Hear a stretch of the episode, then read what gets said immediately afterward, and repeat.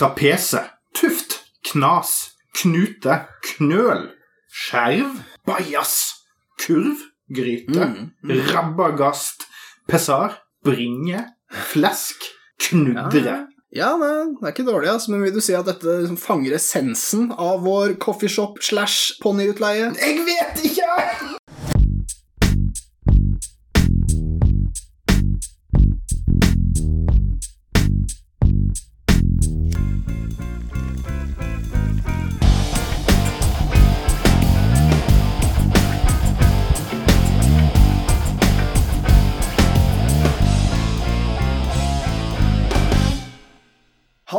Balla! Velkommen til en ny episode av podcast om rus. Jeg er Buffert. Husk. Jeg er Per Ståle Honning. Eh, vi skal ha et tema i dag, og vi skal vi ta det med en eneste gang. Ta temaet med en gang. For folk går og venter så mye. De lurer så lenge. Eh, vi skal snakke om nye ruskulturer, Mm. som eh, har podcaster, f.eks., Ja. og skadereduksjon. Som, ja, litt kjedelig. ja, de har ikke podcaster. Ja. Det er boring. Podkast om rus presenteres fremdeles angivelig i samarbeid med Natt og Dag. Ja, nei, det er ikke bare angivelig, har jeg hørt. Ok.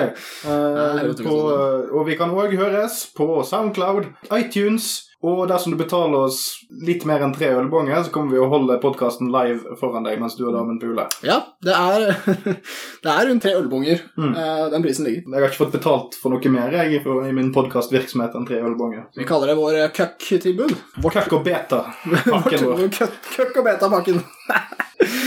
ah, nydelig. Ja, altså, for å ta litt det vi skal snakke om i dag Vi skal prøve å ta for oss det at ruskulturene er eh, i endring. eh, nemlig sånn som det du sitter og hører på nå, som er en ruspodcast. Noe som er jævlig sært, men som også er ganske nytt. Og det er jo et, eh, et, en liten smakebit fra den nye verden, Ja, altså, eh, som vi skal altså, prøve å snakke om i dag. Bare tanken på at dersom vi hadde startet denne podkasten i dag, så hadde jeg følt meg mye mer idiot Ja. enn det jeg følte meg da vi starta denne podkasten for tre år siden. Det er helt sjukt å tenke på. Hadde jeg hørt en sånn Jeg skal lage en podkast om rus, jeg. En eller annen fyr jeg kjenner i forrige uke, hvis han hadde sagt det. Så jeg tenkte sånn En dusj. Ja, altså vi, vi følte jo på, Jeg følte at Ja. vi var litt grann tidlig ute, men sannheten er jo at vi akkurat rakk det. Mm. At det var liksom rett før Vi gjorde det før det var lame. Ja, og selv om vår ikke si at vi gjorde det før det var kult, men vi gjorde det før det var lame. Nei, rett før slutta ble kult. Mm.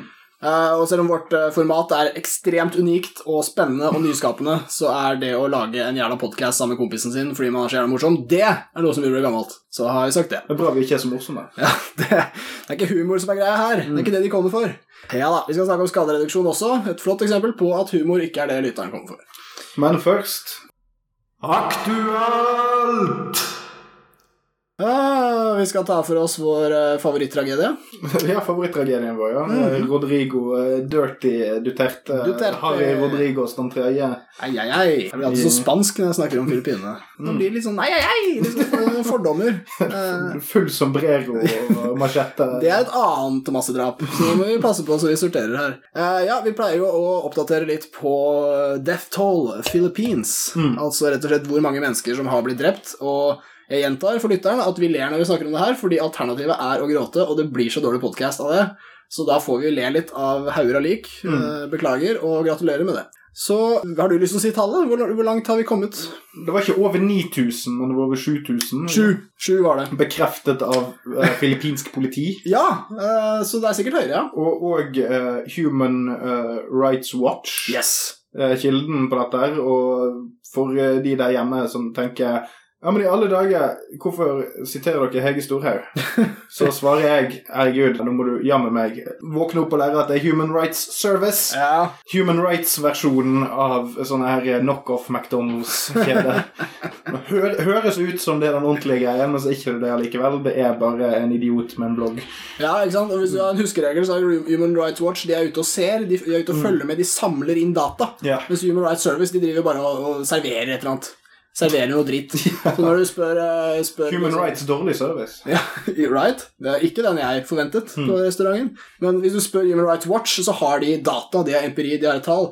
Vi, vi vet 7000 døde, for det sa politiet på Filippinene. Du spør eh, Hege Storhaug hvor mange har dødd på Filippinene. Ja, fem, kanskje? Fem muslimer. Ja, Drept av muslimer. ja. Der, der var den. Nei, nei, men de kan sikkert gå med på 7000 så lenge de har blitt liksom halshugd av muslimer. Ja, der ser man det. Så noen ganger så, så treffer hun. Så det er altså På Filippinene Siden denne fryktelige kampanjen begynte i juni, så har det da vært et snitt på over 30 drap per dag. Det er nesten like mange drap som Norge har på et år. Ja, et dårlig år. Og dette er, eh, det er jo et eh, land med, med høy befolkning. Ja, det Inntil videre. Eh, men men eh, det er eh, helt ufattelig. Det er en intens borgerkrig eh, etter alle standarder. Ja, for jeg drev og leflet litt med hva skal man kalle dette. Altså, er, det, er det et folkemord? Er det. Men nei, det er ikke et folkemord, for det er ikke, det er ikke, en, det er ikke, en, gruppe, det er ikke en etnisk gruppe som blir highlightet for utrenskning eller noe sånt. Det er, det er en, dette er klassekrig, dette. Ja, det er det. Det er movers and shakers som leter etter en syndebukk. Mm. Det er um, god gammeldags heksejakt. Ja. Finn noen å legge skylden på. Ja, Finn noen du kan, eh, du kan bygge deg opp med å bryte ned. Vi kan nok anta at de fleste av likene i den haugen ikke er sånn voldsomt rike. Nei. Eh, og så er det jo litt sånn som alle politifolk i verden sier at vi vil helst ha bakmennene. Det er ikke brukerne vi helst vil ta, selv om vi tar de òg. Men jeg ser for meg at eh, det, det er lettest å finne de, og Ja, at. Filippinene kanskje er litt eksempel på det. De, Ja. de mektigste av drugdealerne de ligger ikke i likhaugen. Det gjør de ikke. Nei, nei, de sitter jo og stemmer Duterte med sånn. Det er Duterte. Wow, twist, twist.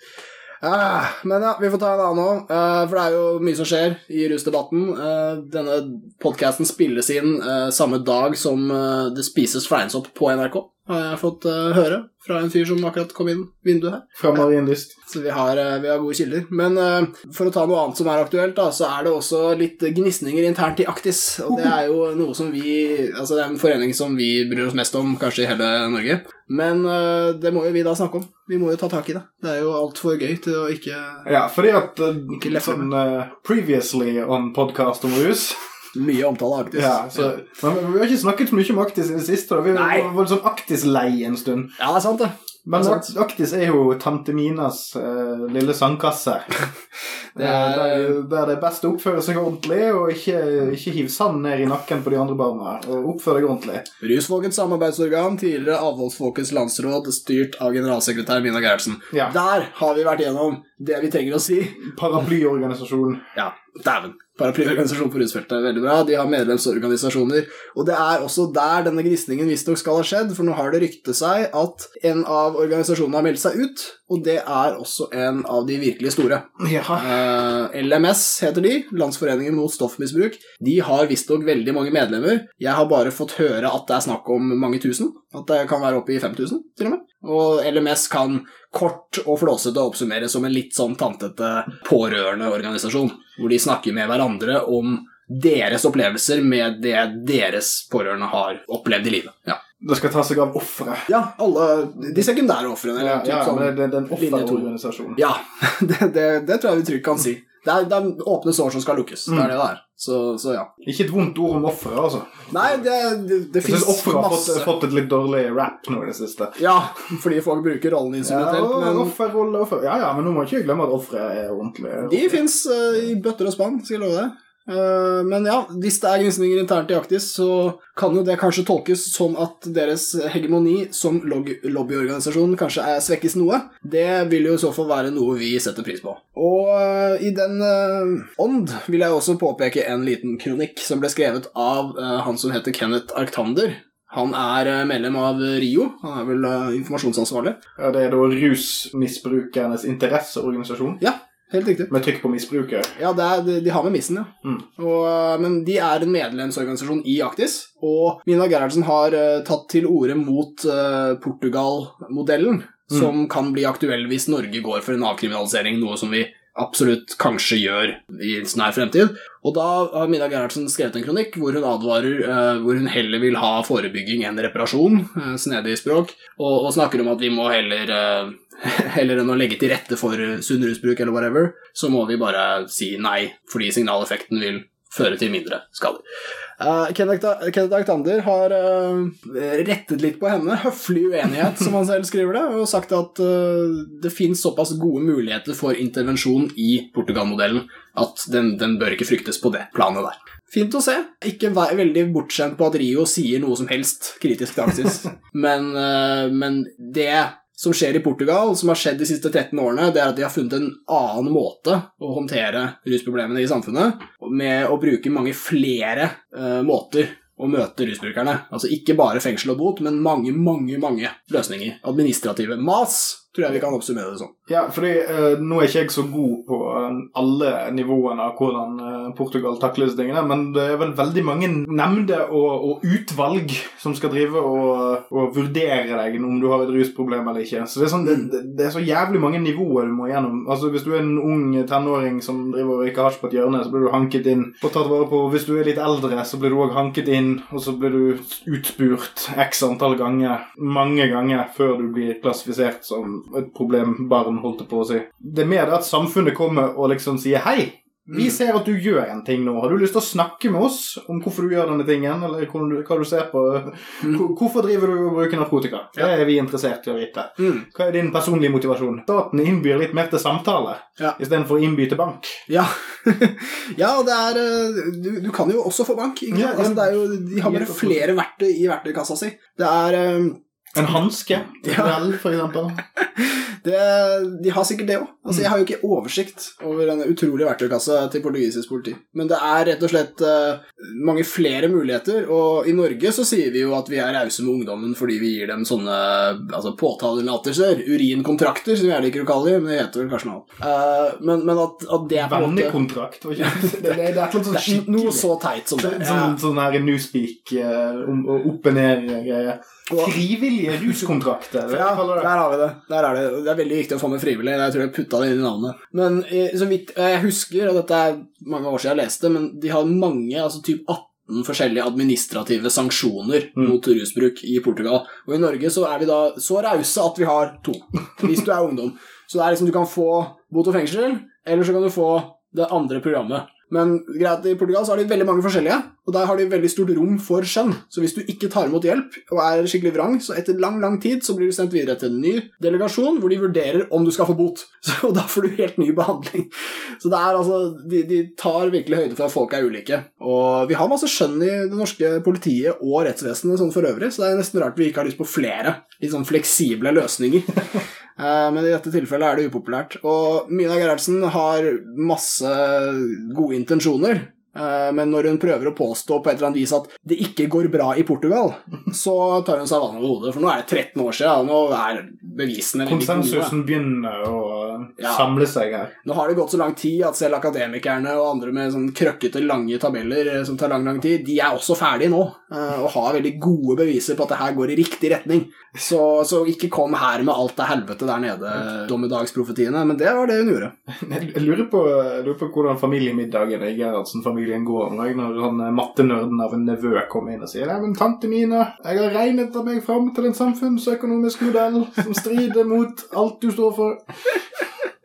Ja, Da kan det hende at det hadde kommet alle de argumentene som jeg syns hun heller burde ha dratt, som eksempel at uh, det er forskjeller på Norge og Portugal, Uh, og, og altså de der, fordi de hadde i hvert fall Hvor masse spanjoler i Portugal? Det er annet språk, spiser annen mat. Uh, Veldig forskjellig. Vi har vel tatt det greit, har vi det? Ja. Vi, vi vil ha mer differensiering i lovverket, sånn som Portugal har. Og så vil vi at det skal være litt mindre strenge. Det går av seg sjøl. Vi kan ikke bli så mye strenge. Så heia Portugal, få det hit. Ok, men nok om det. Da tenker jeg vi kan gå videre med vårt hovedtema.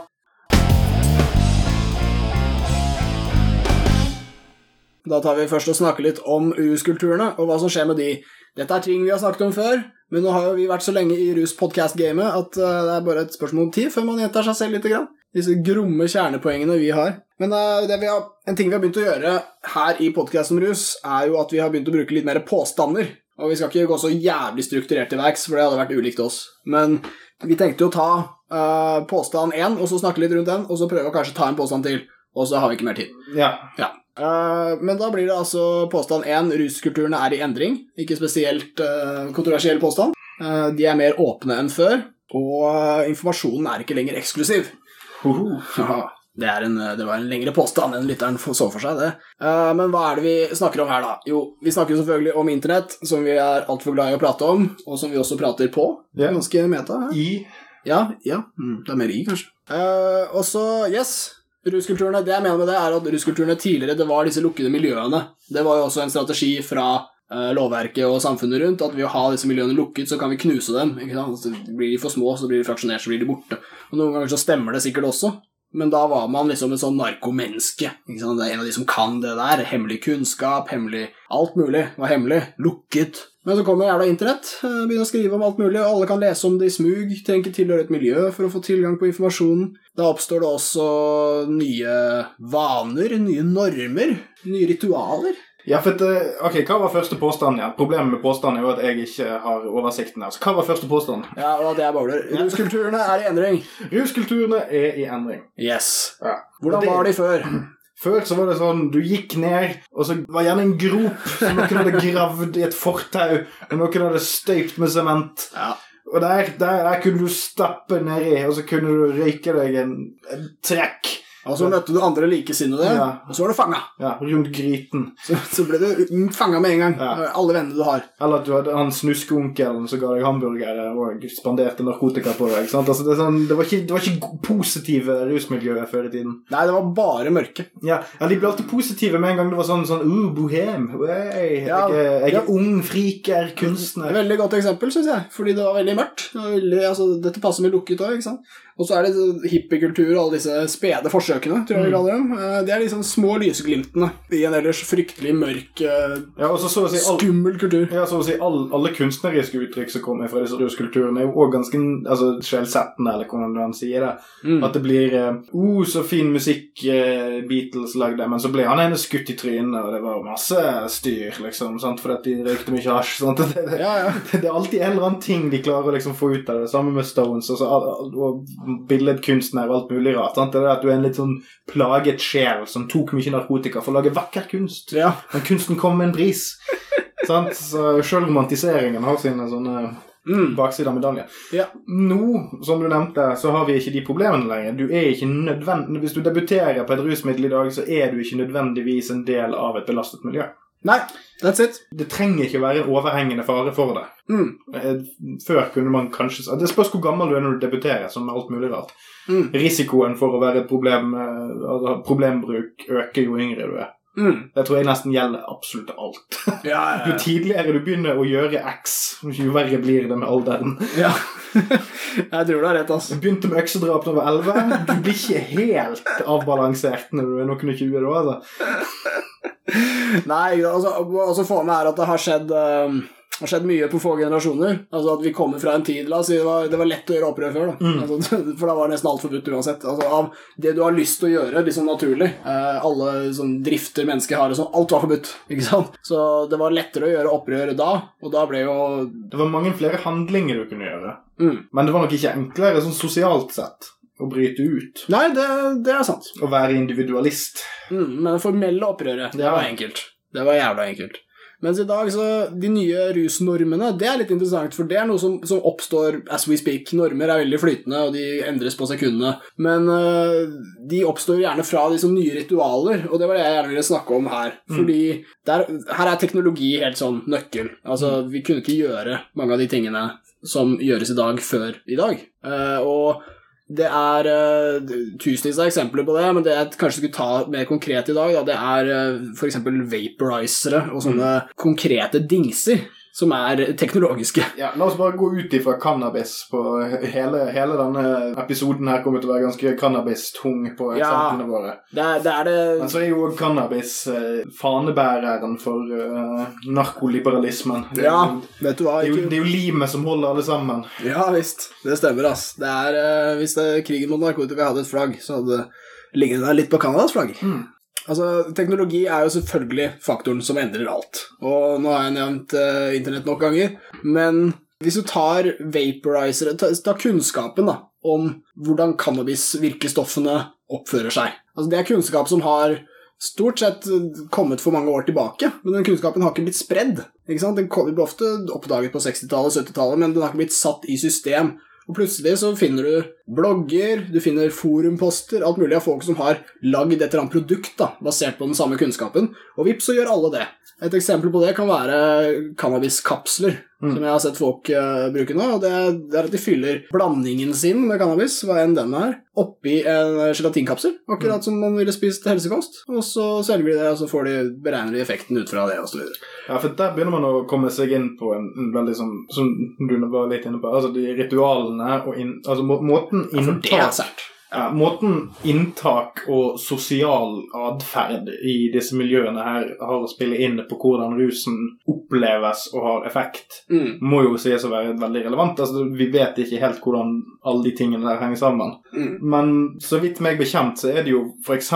en ting som påvirker måten cannabis fungerer på, er jo både det at man forbrenner det, og det at man bruker tobakk Ja. til å blande det ut. Mm. Fordi tobakken har store mengder nikotin, som er avhengighetsskapende, Mm. som kan påvirke avhengigheten din til cannabis. Fordi selv om du ikke røyker sigaretter, så vil du assosiere tobakksinntaket gjennom cannabisforbruket ditt Mm. med det forbruket, så da blir det fort sånn at folk assosierer bare generelt sett mange, mange tobakksting med hasj. Mm. Og så er det òg det at med forbrenning så får du òg sånn oksygendeprivasjon når du trekker ned. Ja, ja, stemmer. Altså, altså at, mangelen på oksygen når du trekker ned godt magedrag med en joint, Mm. er med på å påvirke opptaket av THC i, i kroppen. Ja. På grunn av at du har mindre oksygen, så vil THC-en treffe på en, en litt kraftigere måte. Ja, det er noe sånt. Det er, det er litt uklart. Fordi det er, det er en kvelingsgreie som gir en mer rus. Og så er det vanskelig å si om det er pga. at det har med THC-opptak å gjøre, eller at det har å gjøre med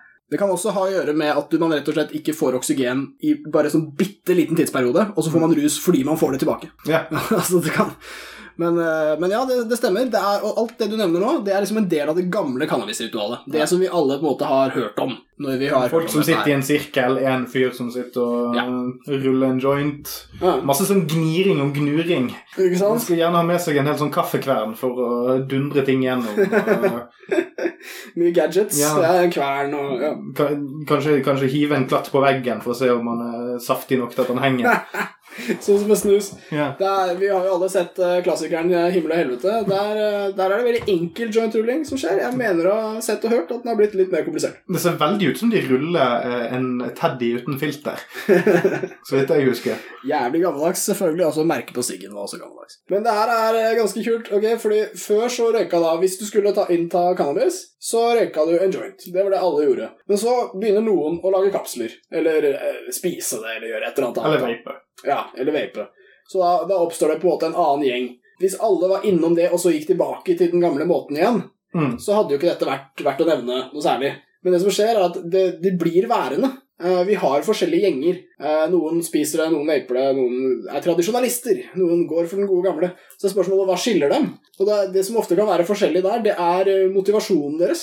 Og de har forskjellige effekter de er ute etter. Det er noe greit nok. Det er det de driver med. ruser seg. Men en annen ting er liksom at noen velger det ene fordi det er mer helse, eh, mindre helseskadelig enn det andre. Da begynner det å bli interessant. For da begynner vi å snakke om sånne motivasjoner som alle kan gå med på. Mm. Hva vil jeg at hasjrøykere skal gjøre? Jeg som ikke er en hasjrøyker? Vel, jeg vil jo da at de skal skade seg minst mulig. For eksempel. det, er, det er sånn selv bestemor kunne sagt. Ja, men den gode gamle, sånn, Hvorfor spiser du en uh, burger på McDonald's når du kan spise en veggisburger? Ja. Lagd av kortreist Kortreist, Kort- eh, kortreist råvare. Kortreist ponnikjøttfarseerstatning. ja, nei, hvorfor, eh, hvorfor Ja, velger du hvorfor ikke gjør du det? du sunne Ja, sant? Og da, da begynner du med en, gang, med en gang du begynner å tenke i de banene. Sant? Hvorfor velger du den tingen som er skittig for deg, Mm. når du kunne spist en, en sunn variant av den samme tingen? Da begynner du veldig fort å gå inn på 'Hvorfor er du så jævla feit, Mm. din kuk?' Altså, den litt sånn nedlatende måten man har en tendens til å snakke om, om andre mennesker som tar litt andre valg som egentlig er helt forståelige. Ja. ja, og jeg er helt sikker på at uh, måten veggisen ser på den kanskje litt overvektige kjøttspiseren, Mm. det må jo være noe lignende som det, det vaperen ser på den gamle, tradisjonelle tobakksbongrøykeren eller et eller annet. Altså, en, en slags huleboer, eller altså, det, det må fremstå litt sånn likt. Utdatert, Det er sånn, sånn, sånn, som, maksimalist. Ja. sånn som Eivind Tredal ser alle andre mennesker. I hvert fall de som kjører SUV forbi. Noe sånt. Altså, hvordan kan du være så gammeldags og destruktiv? Men eh, med en gang de oppstår sånne Altså, disse gruppene blir værende. Det er sånn det ser ut nå. De er alle veldig nye, ikke sant? Så, og jeg, jeg vet ikke om det fins et særlig stort miljø som fortsatt altså, driver og spiser cannabis fremfor å røyke. Det er i så fall gamle mennesker, et eller annet. Men greia er at de har blitt en gjeng nå.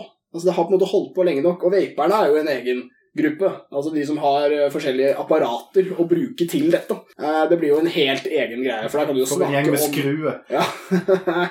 Ingen i dette rommet som er sånn. Eh, Men, men de kan jo rett og slett sitte og snakke om dingser i, i dagevis. Så det blir veldig intern gruppegreie. Ja, og jeg, jeg er jo klar over at Dennis Leary eh, har et ganske dårlig rykte på seg eh, innenfor eh, standup-comedy og sånn, men jeg må jo bare trekke fram den gode, gamle greien jeg alltid trekker fram. Drugs lead to carpentry. Ja. som man sier. Som jeg tror er hans egen vits. Men, men det er litt den samme tingen her, da. Det er sånn, Istedenfor at man går og lager en sånn her steinpipe ute i skogen, Ja. eller tar og spikker din egen, din egen bong på sløyden, sant. Så går vi videre til å importere teknikk fra Kina og Korea. Bare for å kunne varme opp hasjen din i en viss sånn temperatur at det ikke er skadelig for lungene dine at du trekker den inn. Men òg sånn at det er nok effekter til at du blir stein. Ja, ja, ja. Det kan man snakke om i timevis. Og det er litt sært. Hadde du sagt det til meg for ti år siden, så tror jeg jeg hadde Jeg tror ikke jeg hadde sagt noe, egentlig. Jeg tror jeg bare hadde gått. Ja, ikke sant? Vi har uh, jeg, jeg skulle ønske jeg kunne si dette liksom helt klinisk, men uh, det er ikke sånn uh, kulturer og sosialfaglig humaniora-drit fungerer. Eh, men, men når vi først har etablert en La oss si det er en cannabiskultur da, Ja. i Norge. Selv om det egentlig ikke Det er en liten gjeng. Det er, det er noen gjeng, da. En Mm. gjeng er det. Eh, som driver og banker i seg sigg og lighter og hasj og alt mulig rart. Men, så, så oppstår det da Da er vel dette i så fall subkulturer. Det som oppstår med vaping og svelging, eller hva faen jeg skal kalle det. Alle disse alternative inntaksformene. Men hvis disse subkulturene blir eh, integrerte i kulturen, Mm. så kan de bli til eh, andre former for skille. Og da kan de gjenspeile mer ting sånn som kanskje klasse, f.eks. Mm. Det er jo allerede grunn til å tro at det er en del av dette her. Eh, mange sosiologer vil jo si at klasse alltid er viktig. Hele tida. Men uh, det kan godt uh, det kan godt- Sosiologer og kommunister. ja. ja, selvfølgelig er klasse kjempeviktig. I hvert fall snakk om dette her, for her er det jo Hvis du har vaperne, da, så er det, det er dyrt. Mm. Det, det koster masse spenn, disse dingsene. Ja, for i motsetning til Og så må du ha ressurser til å sitte og lese om alle disse nerdgreiene, så hvis du jobber på fabrikken tolv timer, så har du faen ikke tid. Eh, Det er masse Ja, men uh, vapingen, altså i motsetning til uh, nikotinerstatning, de som stumper sigg og begynner med vaping, der er det jo billigere å vape enn det å røyke, fordi at det er så billig. Altså, Ja, i altså, Norge er det jo i hvert fall det. Ja, altså det, du kan kutte ut tusenvis av kroner i måneden på å Mm. bare drite i å røyke eller vape. Men med, med cannabis og sånn, så blir det vel mest sannsynlig du, altså, du har fremdeles innkjøp. Du må kanskje kjøpe mer for å kunne vape. Ja. Fordi du kommer til å ha mer svinn i prosessen enn Mm. hvis du hadde forbrent I hvert fall mer russvinn, om ikke materielt. Mm. På grunn av at når du fyrer opp og trekker, så vil du få en ganske instant hit Ja. med, med cannabis. Men hvis du skal vape det, så må du ha Det, det er mer som på en måte damper litt vekk av selve rusopplevelsen. i hvert fall. Ja, Så du må ha mer, og så må du gjøre det lengre. Litt sånne rare sånne ting. Så, ja. Mm. I hvert fall, hvis du skal vape det, så er det jo en litt annen ting hvis du skal ta kapsle. ja absolutt. Men, det er, men her får vi jo fram det at det er jævla mye nytt å sette seg inn i. Mm. Og vi kan nok understreke at det er, det er nok de færreste Altså Det er ikke flertallet av f.eks. cannabiskulturen som driver med dette her. Det er nok eh, et lite fåtall av ja, skal vi kalle dem nerder, eller Mm. litt sånn sære subkulturelle brukere. Men det som er interessant her, er at hvis det her som sagt blir liksom festende, hvis vi går fra å ha et cannabismiljø til å ha flere for å, ja, la oss bruke miljø for å holde det litt sånn åpent, så, så har jo disse miljøene forskjellige interesser. Og det var, da blir det brått litt sånn uh, uoversiktlig. Da begynner det å bli litt vanskelig, og det begynner å vise at politikerne har kommet litt sånn på etterskudd. da, Hvis disse miljøene begynner å regulere seg selv. Mm. For det er litt sånn jeg ser det. At de begynner å Ok, greit, all cannabis er skadelig. Da går jeg på internett og sjekker. Ja, det viser seg at det fins en uskadelig. Da får jeg fikse det. Uh, men noen av interessene til disse gruppene Ok, La oss si at eh, de tradisjonelle stonerne de vil bare bli kjempesteine. Så da røyker de med tobakk og lighter, for da får du mye av den der sløvende effekten. Og så kanskje mm, sigge i tillegg, sånn, så Ja. en veldig grei Ja, fuck it. Jeg har sant? aldri, aldri jogget spesielt Ikke sant? mye. Ja, så der har du jo Veldig bra, for da har du en sånn full pakke. Og det, det er jo da åpenbart en, en pakke som ikke er særlig altså, Som er ganske helseskadelig. da. Mm. Så det er en, åpenbart en som staten ikke ville gått så jævlig for. Eh, Men med en gang vi snakker om sånn derre Hvis du f.eks. tar cannabis i kapsler fremfor å røyke det, så unngår du luftveisproblemer, du unngår en hel haug med sånne skadepotensialer. Så da høres det jo med en gang at hvis motivasjonen for å gjøre det er å minimere skade, altså skadereduksjon eller forebygging av skade, så burde jo det være mye mer i statens interesse enn den der maksimalisten som bare vil bli jævlig fucka. Så, så noen av disse interessegruppene innad i cannabismiljøet er mer som staten vil, Mm. enn de andre. Så da burde jo staten faktisk belønne de, eh, eller på noen måte gå inn i en slags allianse sånn at man kan påvirke hele cannabiskulturen til å bli sånne nerds. Ta opprøret ut av dem, få dem alle til å spise kapsler, drepe ritualet. Ja, men I cannabiskulturen så er, er jo ikke uh, helseperspektivet en del av diskusjonen i det hele tatt. Nei, Altså Hvis, hvis vi ser på altså, sånn kreftrisiko Ja. og, og lungekapasitet og sånn, det er jo aldri det som blir dratt fram. Ja, hvis- altså, altså, Bortsett fra i sånn bitte små hvis det dras fram, så er det fordi at alt gir masse kreft. Ja. Så du burde alltid ja. la være med alt. Mens det viser seg at kreftfremkallende siden av cannabisrøyking er tobakk som står for. Ja, og at hvis du vaper istedenfor å røyke, så synker risikoen betraktelig. Ja. og sånne ting. Så det, det, Og det, hvis er du spiser tydelig, istedenfor å det er tydelig at de bruker det til å underbygge en signaleffekt. Ja. Det er det som har vært målet. Ja, men det er jo aldri det som er diskusjonen, egentlig. Det er bare det, Slagmarken er liksom om det skal være greit å gjøre det, å ruse seg på det i det hele tatt. Det, det, er, det er rusen som er greien. Altså, helse, helsebiten har aldri vært separert fra rusbiten. Nei, den har ikke det. Veldig sant. I Norge diskuterer vi hvor greit skal det være. Ja. Det er det vi alltid Hva skal vi si til barna? Hvor greit skal det være? Og vi har jo egentlig ikke noe så voldsomt bra svar på alkohol heller. Nei. må jeg bare si. Altså, sånn, det er, vi sliter der òg. Så rus kommer alltid til å være vanskelig på den fronten der. Hva vi sier til barna, hva vi som kjempesvær flokk burde gjøre. Veldig vanskelig å si. Fryktelig utfordrende for meg å svare på. Den eneste grunnen til at jeg fremstår så forpult skråsikker når jeg sitter her og preskriberer hva samfunnet burde gjøre, så er det fordi at jeg veit alkohol er jævlig skadelig, og at det blir desto skadeligere jo mer du rendyrker det. Mm. Så jeg vil bare ha en differensiering, sånn at folk kanskje drikker alkohol, men de drikker litt Du er mindre. folkeøl, du. Ja, jeg, faen, det er faktisk det jeg vil, men ikke si det til noen. Det jeg, vil, jeg vil ikke nødvendigvis at ølen skal være maks 3,5% men jeg vil ha det som i Sverige, for det de har fått til der, det er at når folk sier folkeøl, så gjør de liksom narr av det. Sier sånn 'Å, blir du full på folkeøl?' Akkurat som det er umulig å bli full av 3,5% Men likevel er folkeøl den mest solgte ølen i Sverige. Så de naila det. Vi syns de er strenge og vi synes de er teite, men de har mindre alkoholskader pga. det. Så det er rom for øh, kollektivisme her. Det er rom for å, å se litt på hva vi, hva vi burde gjort. Og det blir dølt i forhold til det illegale, men øh, jeg tror statens interesser ligner på mange av brukernes. Og å ha den differensieringa der, øh, som, som fortsatt er der. Vi lurer jo egentlig bare mest på hva staten faktisk mener. For det har de ikke sagt så veldig mye om. De er mer opptatt av det generelle. Ja, for det, det har jo også, bare så for å gå litt tilbake igjen til dette med å være opprører. Altså, Ja. Det var jo litt kulere å være opprører den gangen du kunne rope 'fuck snuten' og ta deg et uh, trekk av jointen din. Ja, Det, det er ikke fullt så kult å liksom stå og belge på internett at 'ja, men staten, hør på meg, da. Jeg, jeg, jeg, har- jeg har gjort all jobben for deg. Se her, da. Vi kommer, det kommer, folk kommer ikke til å få så mye kreft. Nei.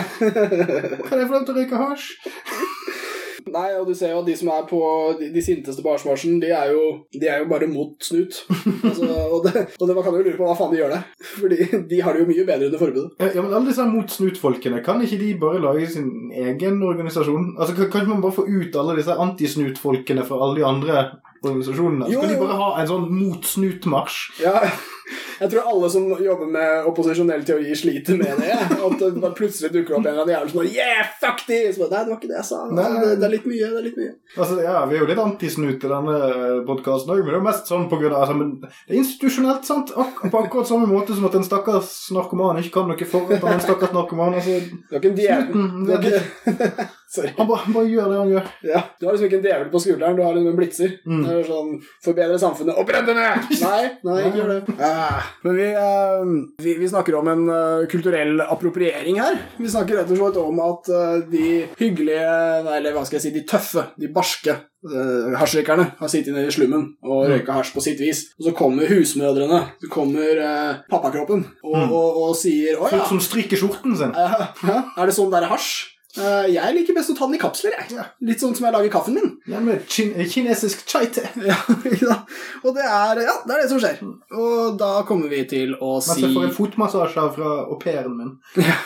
Og da kommer vi til å si at uh, det dere gjør, er, gjør, dere gjør det på feil vis, selv om dere har gjort det lenger enn oss. Eh, dere har veldig mye opprør. Er det så viktig å være så sint, da? Er det viktig? Kan ikke bare være blid i stedet? Og så, så ja, vi skal appropriere ruskulturen. Vi skal gjøre den stueren, og dermed døll. Alt som er stuerent, er dølt. Tenk litt på det. Eh, men vi trenger, altså vi må gjøre at sånn folk kan ha muligheten til å bli ruskultivert. Og da må vi rett og slett få en, eh, en rusoverklasse. Eh, For den underklassen, den syns jeg vi har, blitt kjent med.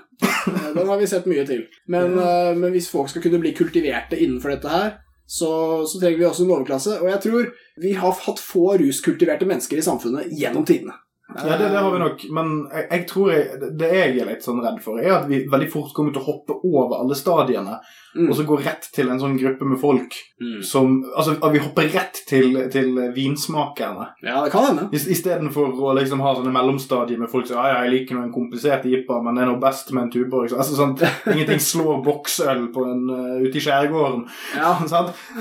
Det er greit. Ja. Men hvis vi hopper rett derifra til en sånn fyr som sier nei du har ikke smakt THC-kapslene før du har, eh, før du har nyttet en god Dom Perignon.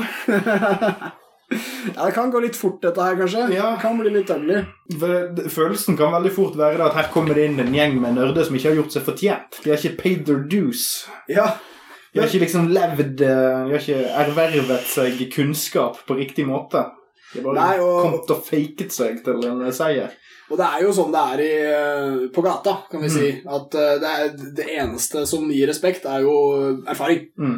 Og den skal gjerne være over lang tid. Men for å ta, ta det perspektivet med han eh, Dom Perignon-jævelen med hasjkapslene? Jævlig bra eksempel på at overklassen kan på en måte swoope inn og ødelegge Mm. moroa. Altså appropriere den på for mye. Altså, ta, ta for svær bit av den kaka. Men det vi trenger da, er at det kan ikke bare være den økonomiske kapitalen som gjelder, men også Nei. den kulturelle. For å dra en liten Bourdieu oppi dette her. Eh, og, og det er eh, Jeg føler at det er det som allerede har påbegynt. Altså fordi vi har organisasjoner på rusfeltet i dag, som f.eks. Emma Sofia, som er eh, en spesiell gjeng. Mm. Right? Altså, og det, de kan godt hende mange jeg, jeg tror mange godt kan se de som en overklasse, f.eks. Mm. Eh, at, at de har naila det på mange vis, at de har skjønt hvordan det burde være, at de, de bruker det til riktige ting, at de liksom setter det appliserer det på riktig Mm. område, ville mange kanskje ment. Men det som egentlig er, jeg tenker, er at det finnes veldig mange grupper som dem. Altså de, de caterer, eller hva, hva skulle jeg hatt et bedre norsk ord De serverer til Mm. et visst uh, publikum. Men En viss finnes, type altså, kafégjest. en viss uh, kafégjest, en viss gruppe gjest, og jeg tror det finnes veldig mange av de gruppene. Mm. Og jeg tror det vi gjør nå, er at det er deres kapital. Det er deres unikhet. Ja, for at, altså, jeg, jeg, vet om, jeg vet om ganske mange folk som eh, misliker den der uh, skogsalvestetikken og Ja. tantrisk yoga i måneskinn-greien til Emma Sofia. Ja. Så, så jeg bare satt, Når du nevnte det, satt jeg tenkte hva, hva, ville, hva ville vært eh, Jeg vet ikke, jeg. Bong, bong og fotball. Bare masse feite folk som røyker bong og Ja, ja. på Arsenal. United. Ja, altså, jeg, jeg, Med en gang du har en sånn stereotyp eh, modell, Mm. så er det veldig lett å feste det til noe. Men, men de fleste har ikke en så veldig klar gruppegruppering. Eh, Tilhøring, tilhøring, mener jeg. Tilhørighet. Og etter hvert, de, de var tidlig ute. Det var en av de første gruppene som kom. Rock og speed-aften. Ja. Så, godt eksempel. Rock og Speed eh, de, de fant hverandre på et eller annet vis. Og jeg tror flere også kommer til å finne hverandre med den teknologien som vi har nå. Men disse, disse ulike formene for kapital er uttrykk for de ulike interessene som ligger i ruskulturene. Og disse interessene er jævlig mangfoldige, og det, det kommer til å bli mer og mer komplisert fremover. Og siden vi lurer på hva politikerne faktisk mener om dette, fordi vi er sånn 60 år på etterskudd med å faktisk ta tak i det, så kan det bli eh, spennende. Fordi det kan bli mer og mer kaotisk. Jeg tror at uh, avkriminalisering i Norge er uh, noe som vil skje i min levetid, og da vil disse tingene her spille ut. Da vil vi rett og slett se hvilke grupper som blir de mest gjeldende fortest. Fordi, uh, ja, det spørs jo på hva slags regulering det måtte bli. Men hvis det blir en bred avkriminalisering, så vil vi veldig fort finne ut om de fleste som tar MDMA, vil på månetur eller ikke. Vi vil veldig fort merke om det er hva slags raves det blir flest av. Vi vil merke hvilke grupper som, som føler seg mest fri, nå som vi endrer lovverket. Jeg tror det er mange, mange mange forskjellige. Ja, for altså, Bare det at vi har røykeloven på plass, vil jo f.eks. hindre veldig uh, coffeeshop-fremvekst. Mm. Ja, ja. Eller muligens mer med røykebakhager, da, men, eh, eller bakgård. Mm. Men, eh, men sjøl det er jo, begynner jo å bli litt sånn begrensninger på noen steder. Det er blir jo av og til litt sånn eh, frontet eh, strengere røykelov òg. Altså at du ikke skal få lov til å ha oppvarmede bakgårder for røyken. Det er masse sånn piss. Ja, Og du ikke skal få lov til å ha overbygg med varmelampe på. Altså, så, så, så, nei, de skal faen meg ikke ha det kjekt! Står der og røyker midt på vinteren. Ja, ikke sant? Det kan, vi kommer alltid til å være litt strenge med hverandre her oppe, trolig. Ja, ja, det er veldig men- spennende å se hvordan vi gjør når vi løsner opp litt. Ja, fordi du, kan- du kan jo altså, så Frigjør du Eller hvis du legaliserer cannabis, så blir det jo Du, du kan sikkert lage konseptet, som det heter, eh, der, eh, der folk kan- samles på et sted og innta dette sammen sosialt. Mm. Kanskje mest de drikker litt kaffe. Men det vil ikke bli en coffeeshop. Det vil ikke få den skitne estetikken.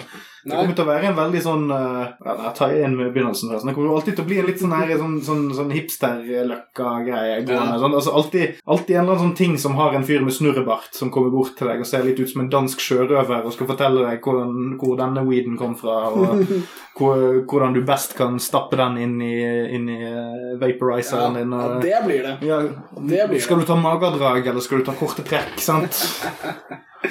Ja, vet du hva, det er eh, Det høres ikke ut som et gode, Mm. eh, men det er det faen meg, altså. Og, og det, hovedårsaken til at det er et gode, det er at den jævla coffeeshopen der han med det jævla skjegget jobber og lærer deg å vape, det er at det er et åpent sted med belysning. Uh, som folk kan finne deg, og du trenger ikke å gå ned under en bro. Du slipper å bli redd for å bli taken. Ja, og vi kan bare snakke mer om det, og Ja. vi kan bare hente folk ut. 'Nå har du sittet her lenge nok, din jævel. Bli med her.' Og dra bli med på en ordentlig bar i stedet. uh, for eksempel. Men altså, vi, vi, vi hadde fått bedre kontroll på hverandre, og vi hadde fått flere verktøy. Og kulturen skriker etter flere verktøy. Men Buffett, eh, la oss hoppe 100 år inn i fremtiden.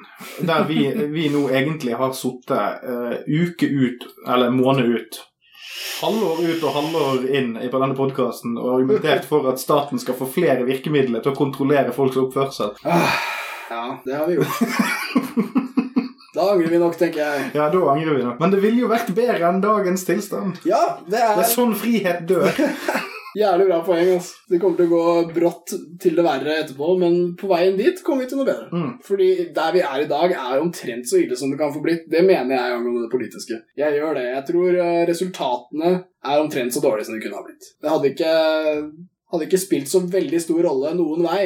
Jeg tror kanskje dette ikke er så viktig som folk som meg ofte eh, hauser det opp til å bli. Samfunnet vil verken bli megaforbedret eller megaforverret. Det er egentlig ikke så mye om å gjøre. Eh, men eh, det handler fortsatt om veldig mange menneskeliv osv. og Så, videre. så nei, alt er egentlig bedre enn det vi har. Jeg mener faktisk det. Jeg vet ikke hvordan det kunne blitt så mye verre. Det måtte vel vært en ny forbudstid mot alkohol eller noe. det da. Ja, altså hvis det, hvis, det hadde, hvis det hadde dundret på med en eller annen slags sånn embargo-greie, altså hvis det hadde brutt ut krig og vi måtte Ja, eller- rasjonert eller et eller annet sånt Eller vi stemte inn Duterte eller noe sånt. Ja. Jeg, jeg, jeg må være kreativ for å se for meg hvordan Hans verre. Johansen, eller hva denne kødden heter som eh, Der ser du, det kan bli verre. Ja, det kan bli verre. Det kan alltid bli verre. Ja, jeg har ikke hørt noe om hva han syns om rus, men det, det vil jeg virkelig ikke. Det er ikke. så lett å vite hva han syns om noe som helst, Jeg vil ikke vite noe om han. Nei. Ja, ja bra name-drop.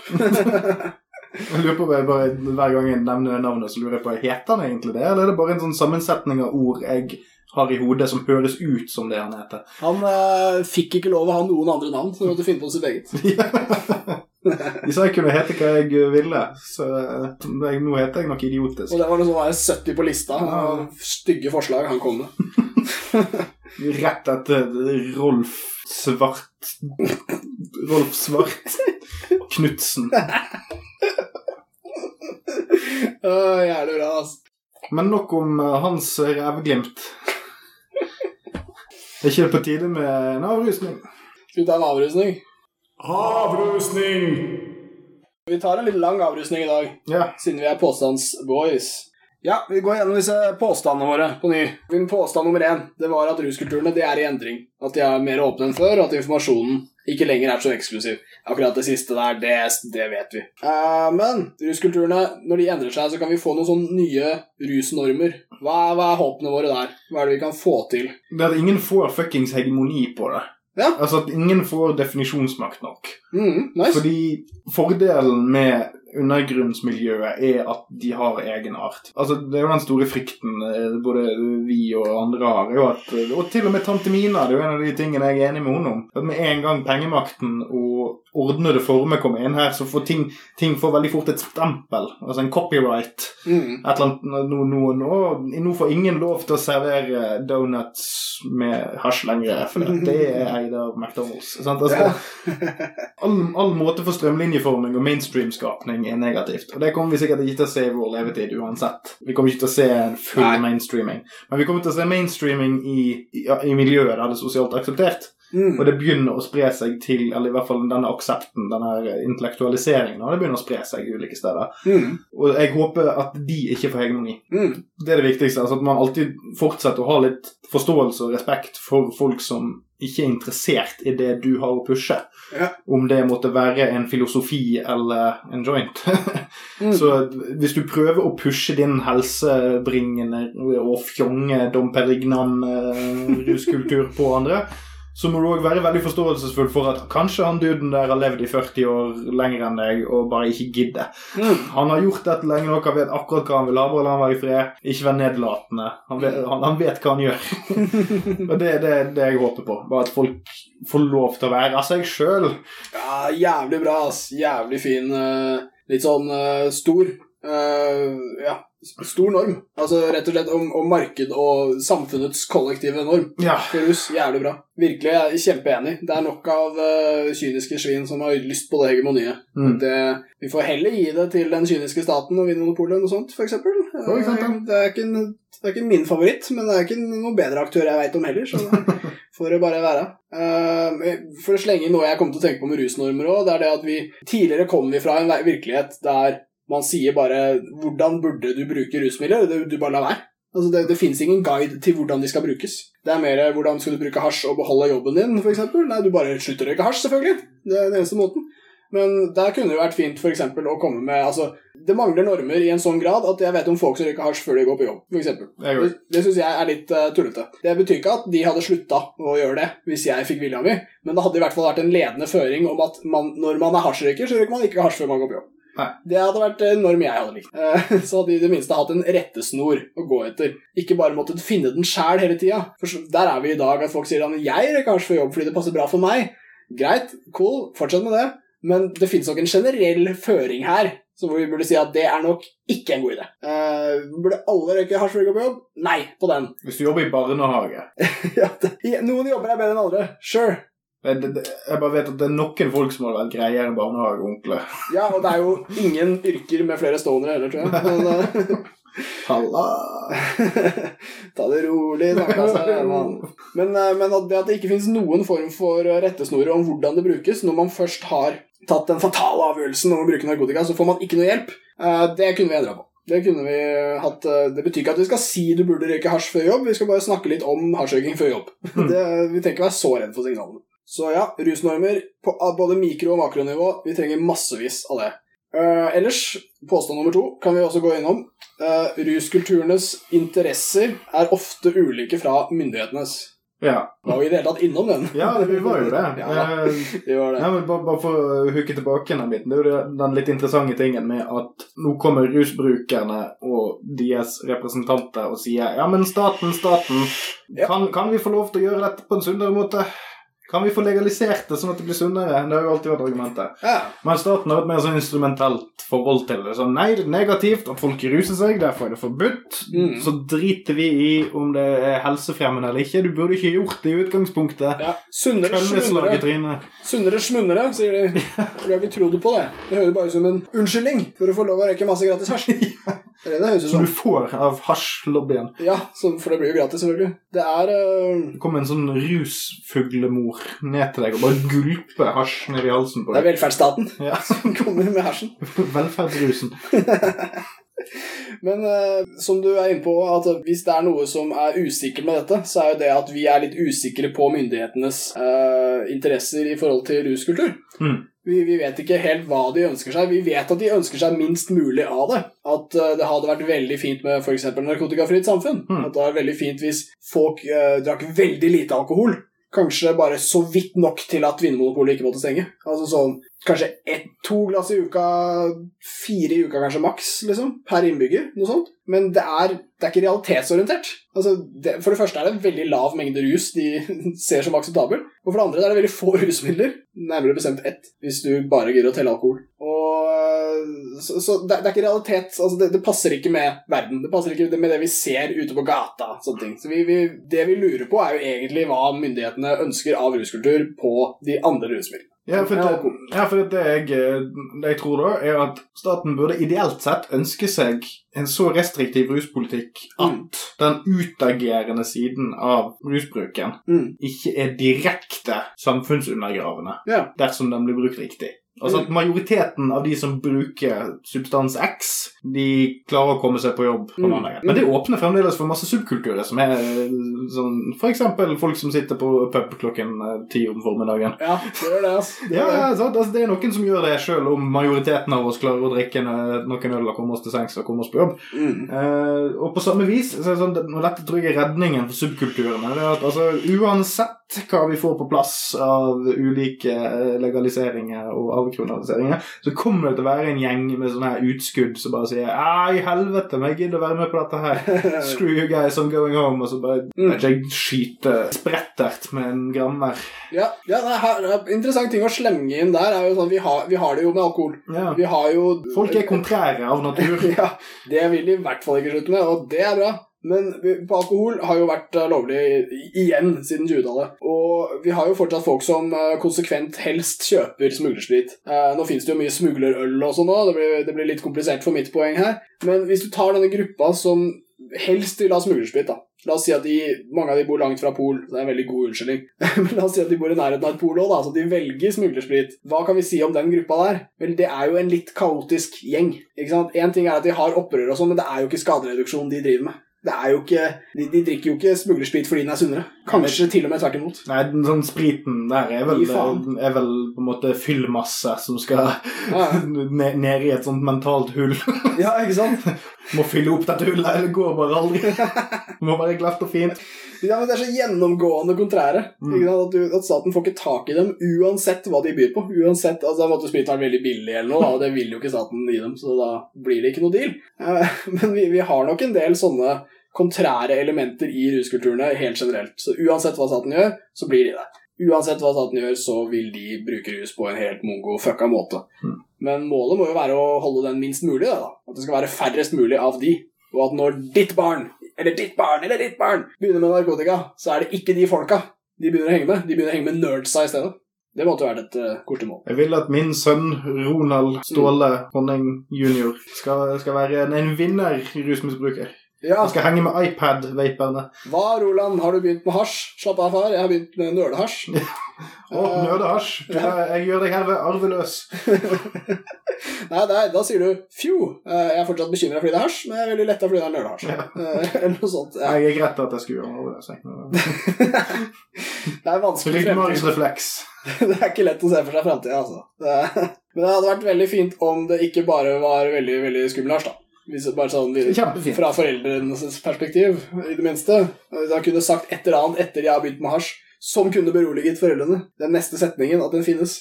Veldig ålreit. Ja, la, la oss få flere sånne setninger inn i det norske språk. Kanskje en tredje setning òg. Det det er ikke bare nødehasj. Far, jeg er en seksuell avviker. Ja. Men slapp av. Jeg gjør det bare med menn. Far, jeg har begynt med hasj. Men ikke vær redd, det er nølehasj. Men ikke vær redd, sier jeg en til. Det er svak hasj. Ja. Men ikke vær redd, den er etisk forsvarlig. Mm. Men ikke er, den er fair trade. Og ja, I don't know, men det hadde vært fint med mer der. For da er det lite der, jeg vil ha mye. Personlig setter jeg foten ned med fair trade hasj. Ja, Det, det, nei. Nei. ja nei, det, jeg er enig. Etisk generelt. Altså, Den kan godt, være fair trade, men med en gang de begynner å stemple den som fair trade Det lukter mafia. Ja, Da er vi tilbake på mafia. ja eller og kulturelite. Ja, eliten. ja, jeg, jeg vaper bare fair trade hasj. Den er så estetisk. Ja. Jeg vil ikke ha sånne jævla mafiaer på mitt hasjmarked. Det det er sånn jeg, sånn jeg foretrekker det. Nei, men la oss uh, rappe opp uh, denne jævelen. Slap a bow on this puppy. Uh, ruskulturene er i vei, på vei i ville retninger. Ville! Vi må få kontroll på dem. Gjett hvem vi foretrekker? Det blir fort myndighetene. Ja. Men det må ikke bli for mye kontroll. Nei, Må ikke det? Nei. Knus litt flaske, velt noen eh, søppelspann. Mm. Men, men, men vape mens du gjør det.